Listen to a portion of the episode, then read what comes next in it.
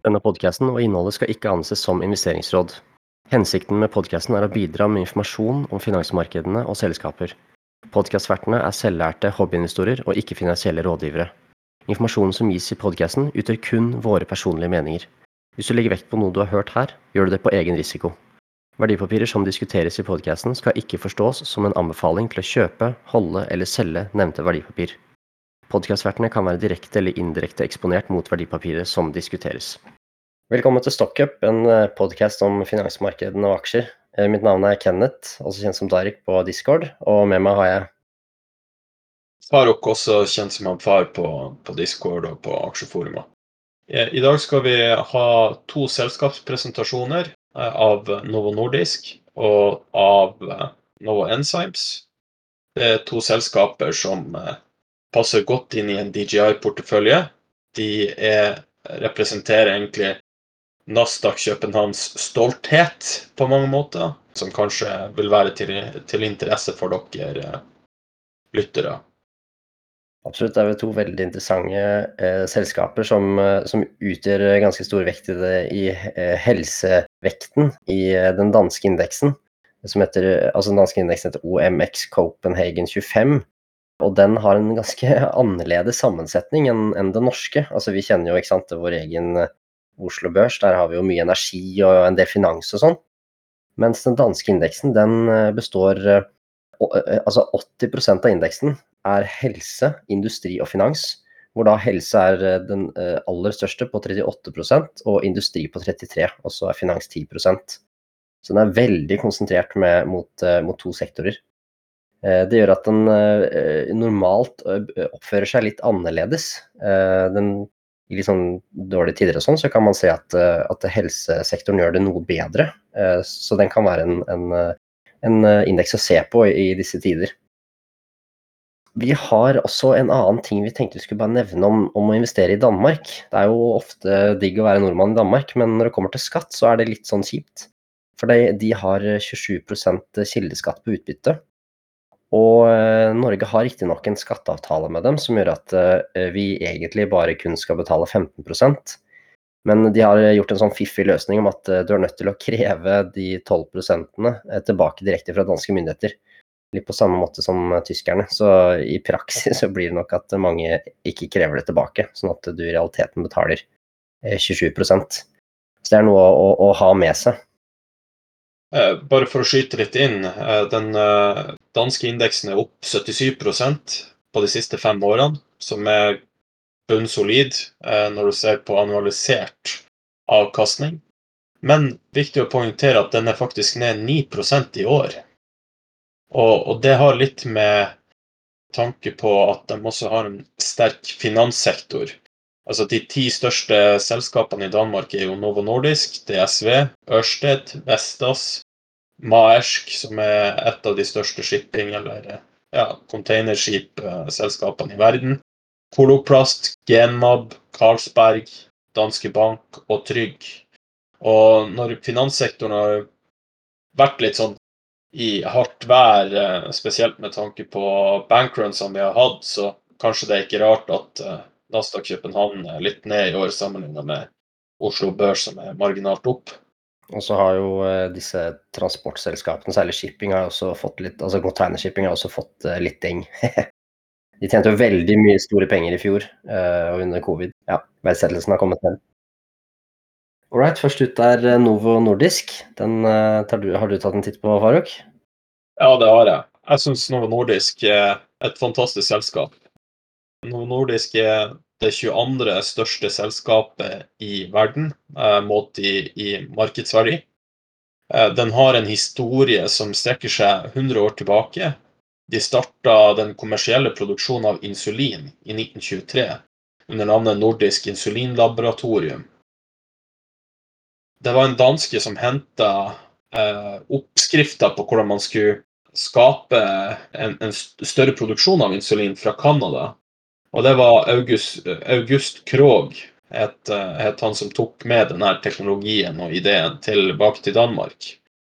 Eh, Novo Nordisk lager medisiner og medisinske apparater som involverer eh, insulinpenner, og alt som egentlig har med måling av eh, blodsukker og monitorering av, av diabetesen. Og hovedfokuset til Novo Nordisk er diabetes, overvekt, sjeldne blodsykdommer som hemofili og andre hormonelle sykdommer. Det kan være vekstproblemer og andre ting. Det som er viktig når man ser på et selskap som Novo Nordisk, er å se på produktene de leverer, hvor mange som er potensielle kunder eller pasienter til dette selskapet. Og ettersom Novo Nordisk har over 70% av omsetninga retta mot diabetes, så er det viktig å poengtere at 420 millioner mennesker i verden har én form for diabetes. Eh, estimert, riktignok. Og de hadde en konkurrent, Sanofi, som er et fransk legemiddelselskap, som de rett og slett eh, slo knockout på. Som kunne ikke lenger konkurrere innenfor diabetes og livsstilssykdommer eh, som, som et segment de kunne konkurrere mot Novo Nordisk på. Så Novo Nordisk har på en måte vunnet det markedet.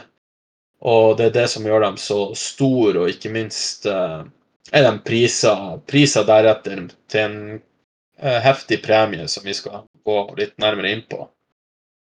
Noen fakta om Novo Nordisk. De produserer 50% av verdens insulin.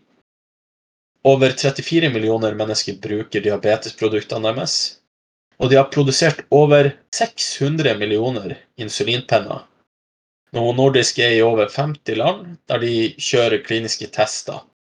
Og så har de produksjonen sin i 16 land og forskningssentre i fem land. Kina, Danmark, India, Storbritannia og USA. Novo Nordisk har også 55 000 ansatte og er representert i 170 land. Så det, det er et globalt uh, selskap. Så det er checkmark der, for å si det sånn. De gjør enorm satsing på R&D. R&D står for Research and uh, Development. De har medisiner som må gå gjennom ulike faser og tester for å bli godkjent. Det som, for deg som investor, når du ser på helseaksjer, så er det veldig viktig at du ser pipeline til uh, legemiddelselskap du ønsker å investere i. For er pipelinen dårlig, og de uh, eksisterende blockbuster drugsene Eh, med blockbuster drugs så mener jeg de populære medisinene de, de på en måte distribuerer. Når patentet deres går ut, så vil omsetninga og inntjeninga til selskapet bli svekka. Så vekstpotensialet prises ut ifra hvor, mange medisiner som potensielt kan bli et nytt blockbuster drug som de kan leve av i flere tiår fremover. Og det som er greit å se på, da, er når du har hovedfaser for kliniske tester av de ulike medikamentene, så har du noe som kalles for fase 1, fase 2 og fase 3. Fase 1, da er det sånn at eh, Novo Nordisk har en liten gruppe av folk eh, under en viss eh, holdt på å si, forutsetning på at det er randomiserte folk, at det er ulike Eh, befolkningsgrupper, etnisitet osv. Det er derfor det er viktig at de har forskningssentre i fem land. For enkelte produkter i India som funker der, men ikke f.eks. i Norge. Og så er det noen produkter som funker bra i USA, som ikke funker bra i India, og vice versa. Altså, det går, går litt sånn. Fase 1 eh, betyr at eh, det er en liten gruppe av folk. Og hensikten med fase 1 er å finne den beste dosen til, til den personen. Og hvor trygt det er å gi det medikamentet i forhold til bivirkninger osv. Med fase 1 så er det viktig å ha på seg lange, lange briller. For det, det, her er den fasen som tar lengst tid med tanke på godkjenninga, og ikke minst rekruttering av testsubjekter, altså pasienter. Men når du har kommet gjennom den fasen, og du får en eh, eh, godkjenning, da, så går du videre til fase to, som eh, involverer større grupper med mennesker, ofte over 100 stykk. Og da sjekker man doseringene, og hvor godt behandlinga virker, og hvordan bivirkningene slår ut. Da ser man det litt i større skala. Og her Altså, fase to er en fase som ikke tar så lang tid.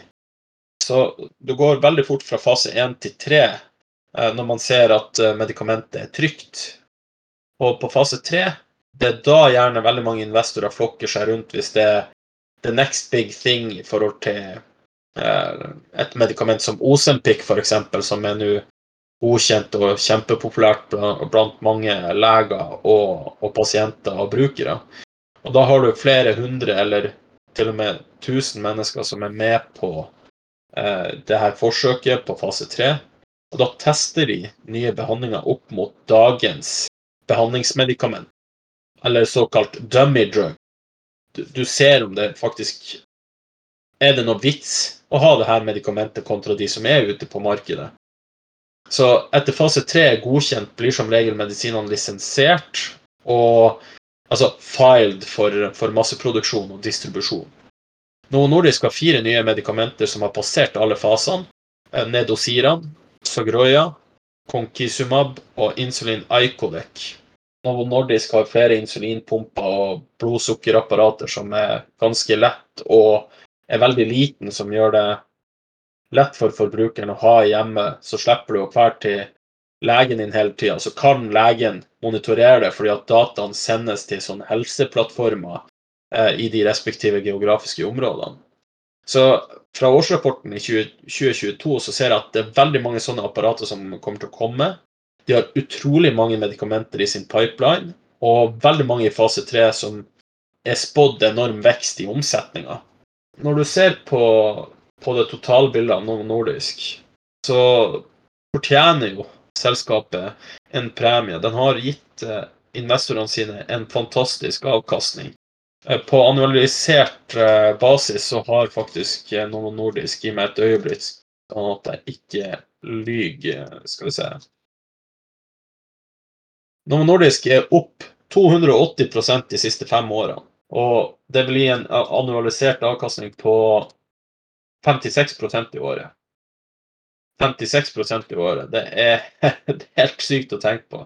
Det, det, er, mye, det er, mye, håp uh, som er prisa inn i selskapet, og, og, de leverer til stadighet. Jeg sjøl har jo kikka på aksjen de siste to årene. Jeg ser bare den dundrer oppover. Dette er en resesjonssikker aksje. De har uh, en fantastisk dyktig ledelse. Og ikke minst så har de salgsinntekter som på en måte forsvarer til en viss grad prisinga. De har salgsinntekter på 176 milliarder danske kroner. Free cash flow på 57,3 milliarder danske kroner. Og en dobbel A-rating av SMP Global Ratings og A1 av Moody's. Som betyr at selskapet er sterkt finansielt eh, eh, posisjonert. Om kost på selskapet er 1,13% som er lavere enn det historiske snittet på 1,85 eh, for de siste ti årene. PE er på 40, og forward PE er på 32,9.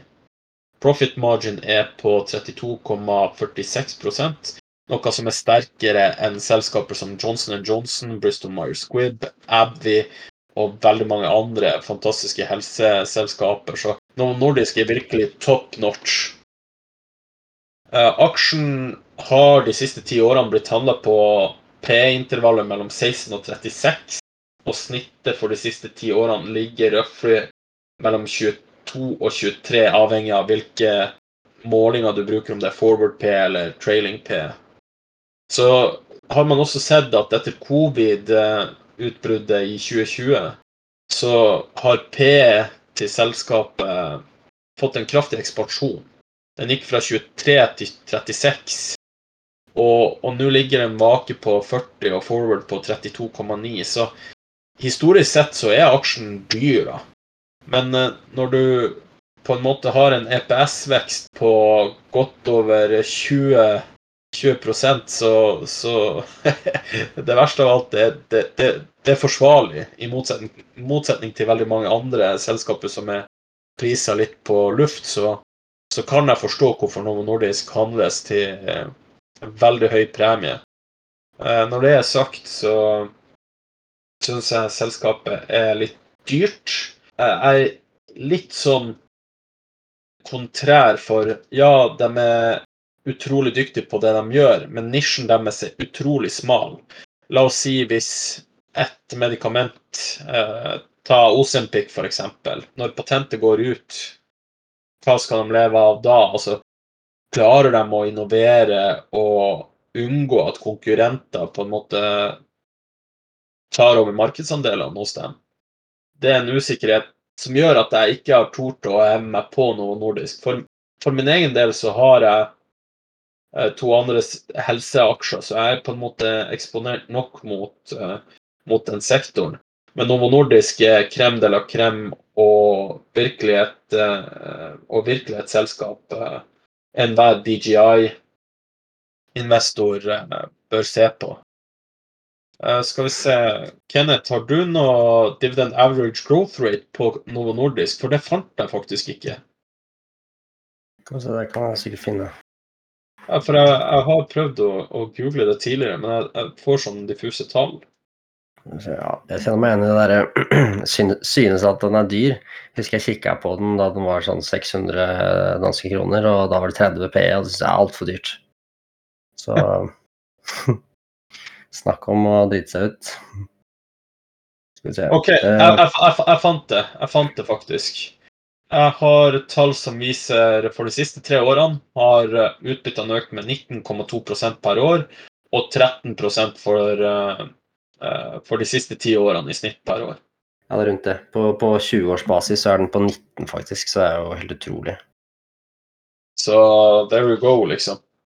Det, jeg, skjønner, jeg, skjønner, veldig godt at, eh, at eh, de fortjener å være på, på topplista til veldig mange folk. Jeg skjønner hvorfor.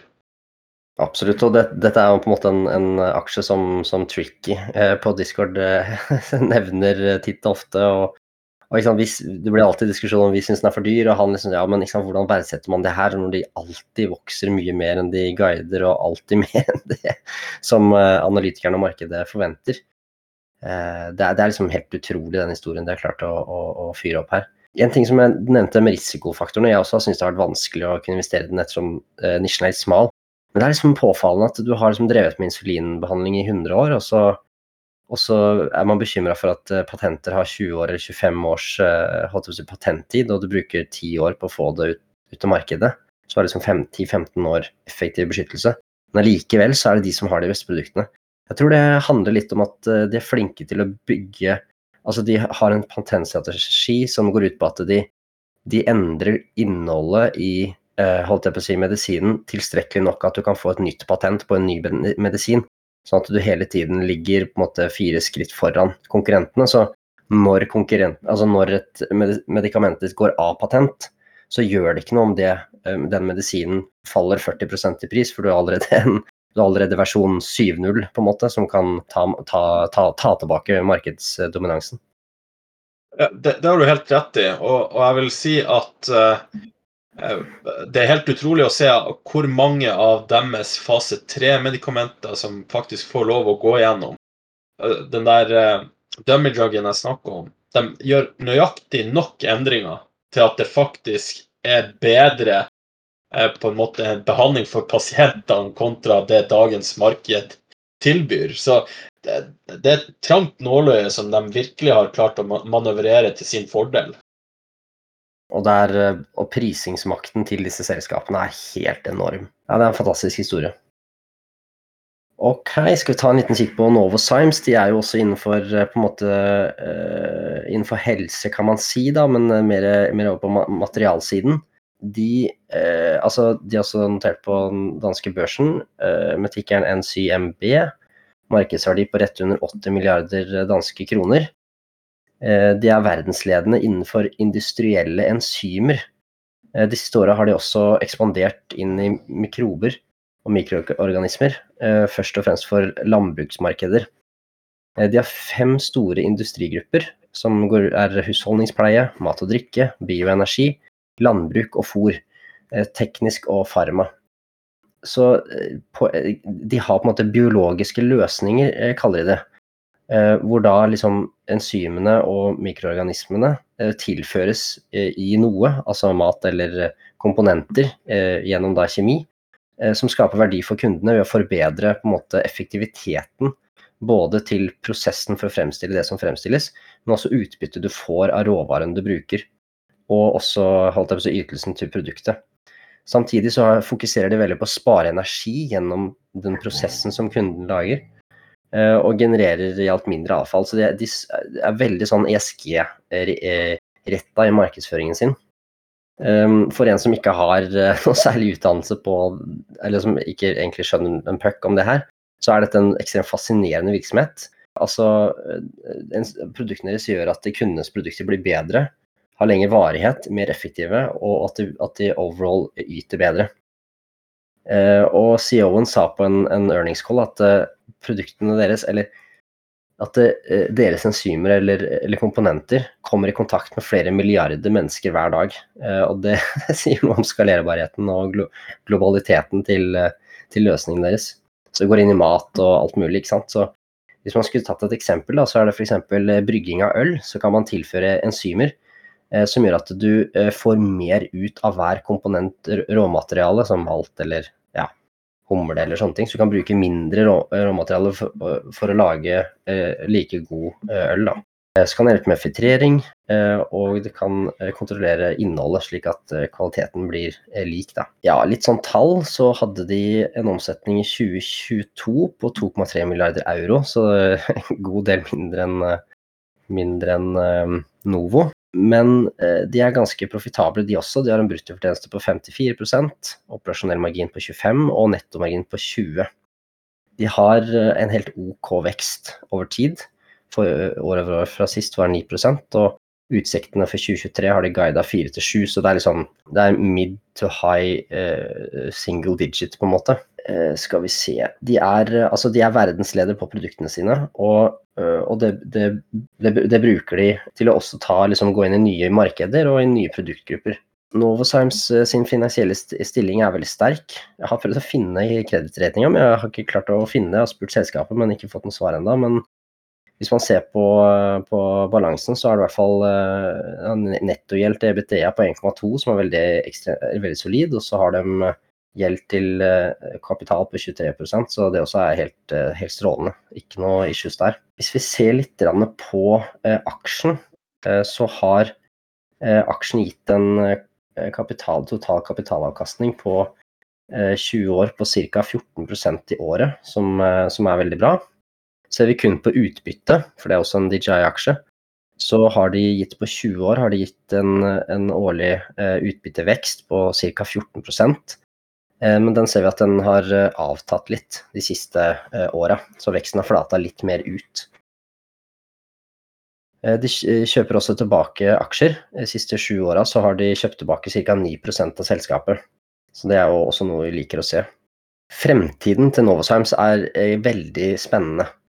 Fordi de har akkurat annonsert, eller akkurat altså før jul, så annonserte de at de kjøper Christian Hansen, som er både en konkurrent, men også Kristian uh, Hansen har også komplementerende produkter. Sånn at de får både en dypere produktportefølje, men også nye vertikaler å, å, vokse i. det totale selskapet vil ha omtrent en omsetning på 3,5 milliard euro. EBIT-bergin på 26 og eh, vil ha eh, holdt jeg på å si, et veldig imponerende eh, gjeng med, med R&D-folk som kan fortsette å innovere. Sammenslåinga er godkjent av begge eh, generalforsamlingene, og de venter nå på regulatoriske godkjennelser. Eh, og arbeidet med eh, å finne et felles navn og brand og sånn er begynt. Til, men dette gjør sant, litt sånn vanskelig å se på prisingen på dette kombinerte selskapet. Så vi skal se liksom på prisingen av aksjen, hvordan den har vært historisk. Eh, og så blir det litt sånn gjetting på hvordan det blir fremover. Akkurat nå så prises den eh, Har den en blended PE på eh, 26 ca., og det er litt under den normale på 29, så den eh, har også en liten premium over sykelen. Eh, den har i dag en, en, eh, en yield on cost på ca. 1,8 og eh, så vi ser, hvis man ser på historisk BE, så er den litt under fair verdi, kanskje. Kanskje 8% under. Men som sagt, det er vanskelig å, å, si hvordan det blir fremover. For at du De betaler en liten premium for å, å kjøpe Christian Hansen, og, og, synergier kan ta litt tid, og man må vente og se litt. management har nesten skaperverdi for Novozymes, men tidslinja der er jo selvfølgelig usikker. Og det er på en måte det som er risikoen med, med aksjen nå. Det er at sant, du har to veldig sterke brands med en sterk ja, som skal på en måte kombineres til ett nytt. Så blir OK, hvordan vil det se ut? Hvordan blir det? Til, og den prosessen kommer til å sikkert koste en god del. og det kan hende det tar litt tid før at det nye brandet blir kjent i markedet og sånne ting. Så, så det kommer til å, å, ta tid. Integrasjonen, ikke sant. Det er masse folk som skal samles og sånt noe. Og, så hvordan trendveksten blir, er vanskelig å si akkurat nå. Men det som er styrken, da, det er at de er verdensledende på, på uh, områdene sine. Uh, altså enzymer, uh, mikrober og Christian, nei, si, jo, Christian Hansen de er veldig bra på sånne bakterielle greier. Eh, og mikrober. Så de får en helt eh, enormt bra eh, portefølje, og det er veldig imponerende å ha et dansk selskap som, som er liksom verdensleder på de tingene. Um, og de investerer utrolig mye uh, i R&D for å hele tiden lage nye produkter og gjøre produktene bedre. Totalt så investerer de omtrent 11% av omsetningen årlig. Det som er like med det, er at de har uh, produktene sine selges uh, i hele verden. De har produksjonsfasiliteter og R&D-fasiliteter på alle kontinenter. Og har enkel måte å, skalere opp videre volum. Det er et veldig sterkt selskap som har imponert over lang tid, og, det blir spennende å se hvordan fremtiden blir. Og jeg tenkte jeg skulle spørre deg, eh, Faruk. Altså, tenk, altså, hva tenker du uh, eh, AI kan gjøre for disse to virksomhetene vi hadde analysert i dag? Hva har du tenkt på da? Nei, altså, de sitter jo med 100 år med data. Uh, ekstremt mye data. Som er på en måte proprietær. Og forsker veldig mye, ikke sant. Men det er jo menneskelige forskere, forskere som ikke sant, forsker. Og så kan du bare mose det inn i en AI-modell, så kanskje de greier å finne ut noe bra greier. Helt klart. Jeg ser, jeg ser litt hvor du, hvor du, vil hen. Altså, du er litt konservativ av meg, men uh, at AI kan påvirke veldig mange andre bedrifter, og ikke selve tech-bransjen alene, jeg, jeg, jeg, ser hva du mener. Men uh, jeg vil gjerne se hvordan det utfoldes i praksis for jeg tror ikke Novo Nordisk Husk at uh, industrihemmeligheter som de her selskapene har, vil de ikke dele med, med allmennheten, for å si det sånn. Nei, Vi får håpe virkelig at de har, altså at Novo har, eller begge Novoene har dataen sin på, på lokale server og ikke i skyen, som, som, noen andre har tilgang til. Men, eh, Men hva, kommer du til å investere i f.eks. Novo Enzymes, eller for den saks skyld Novo Nordisk? Ja, altså jeg skal ikke utelukke det. Jeg syns begge to er litt, eh, kanskje litt dyre nå. Altså Novozymes er litt sånn uh, Der vil jeg nok se hvordan integrasjonen etter transaksjonen går. Uh, men definitivt noe som er investerbart og, og uh, ja, veldig interessant. Selv om gilden er lav. Men skal man liksom ha et konsentrert bet på, på helse, så er kanskje Novo et godt, et godt bet der. Ja, jeg pleier å si som han uh, Warren Buffett pent sier It's far better to buy a wonderful company at a fair price than a fair company at a wonderful price. For det vi ser i de her to selskapene, er globale, globale markedsandeler. En nisje de er best på, rett og slett. Og altså jeg, jeg har jo diskutert det her med Tricky veldig ofte. Hva, hva i huleste skal man betale for Novo? Jeg, jeg husker jeg var på nippet. Jeg hadde en, en kjøpsordre, jeg vet ikke om du husker det, for uh, noen måneder tilbake uh, i, i, Novo Nordisk. Og det var rett før den bikka 1000. Uh, da var den 980. Og så sa jeg nei, jeg venter til den går i hvert fall under 900. Og så spratt den bare opp. Men sånn fra, fra en, et ståsted fra en investor, der du ikke skal se på aksjekursen alene, men gjerne verdsettelsen også. Så jeg tenker egentlig yield on cost her jeg vil fortelle meg veldig mye om margin of safety. Jeg tenker Hvis du får Novo Nordisk, ja, klart det er et bedre selskap enn det var før pandemien gitt de nye medisinene som kommer. Men uh, jeg tenker med en yield on cost på 1,13% kontra 1,85 som er snittet, det indikerer at Darsen er veldig dyr. Så hvis, jo nærmere 1,85 du kommer, jo, jo tryggere er du, vil jeg, vil jeg påstå. Hmm. Så er spørsmålet vil den falle dit eller ei, det, det vet jo ingen. Men sjøl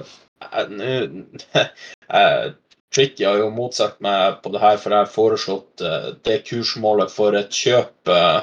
Så, så jeg tror ikke Tricky er enig med meg, men jeg, jeg, jeg tenker Får du selskapet til 780 danske kroner, så, så, så har du en, en, en god, god, god pris på, på vekst, rett og slett.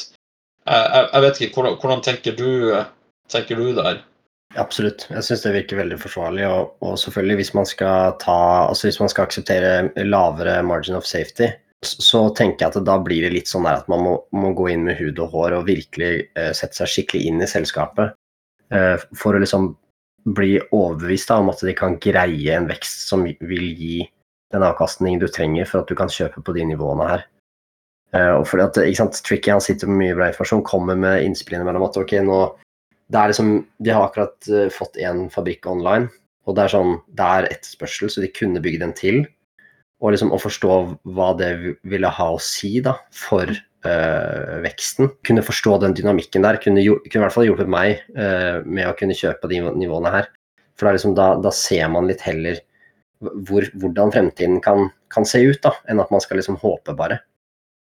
For det er, det er akkurat det. Også selv la oss si, en kurs på 800 danske kroner, så gir det en uh, trailing P på 29. Mm. Så og, og, en forward på, på, på 23.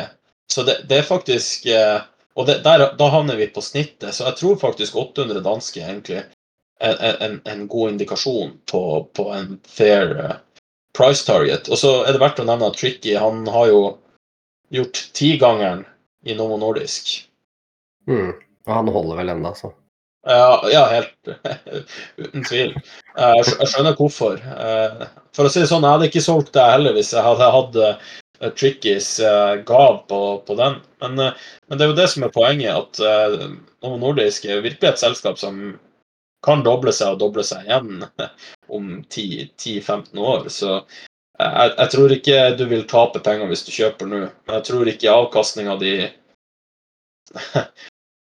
ja, det, det, er jo det som er Nordisk er jo så, så dyktig, men jeg tror ikke avkastninga blir så Altså pga. usikkerhet du, Man vet ikke hva man ikke vet, før man vet hva man ikke vet.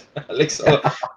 Så, så, så ettersom at Novo Nordisk er så gigantisk og sånn, og jeg føler at uh, den har dratt uh, litt fordeler av de her uh, kjente profesjonelle idrettsutøverne ved å mar markedsføre sine medikamenter, har virkelig bidratt til å booste både etterspørselen og ikke minst kursen på, på selskapet. Men for, for nå så, så er ikke det attraktivt nok for meg i hvert fall til å kjøpe Novo Nordisk. Ja, ikke sant. Ja, det er noe det er, Den er på watchlisten min, i hvert fall. Og det er ikke vår venn Helge Lund som er eh, styreleder her? Er han fortsatt styreleder? Det er jeg usikker på. Det er jeg usikker på. Jeg har ikke sjekka det. Ikke sjekka det. Men uh, jeg likte veldig godt presentasjonen i Novo Enzymes. Jeg hadde ikke peiling på selskapet. Jeg, jeg har jo sett det i diverse forumer bli nevnt, og, og på Motley Fool er det til og med en favoritt uh, blant europeiske aksjer. Så uh, jeg er ganske sikker på at det er mange amerikanere der ute som er DJI-fokusert, som ser på de her to selskapene. Ja, veldig fin analyse nå, også. Jeg får bare mer lyst til å kjøpe den. Ikke sant. Nei, men det var det vi hadde, folkens. Og så god sommer. God sommer, ja.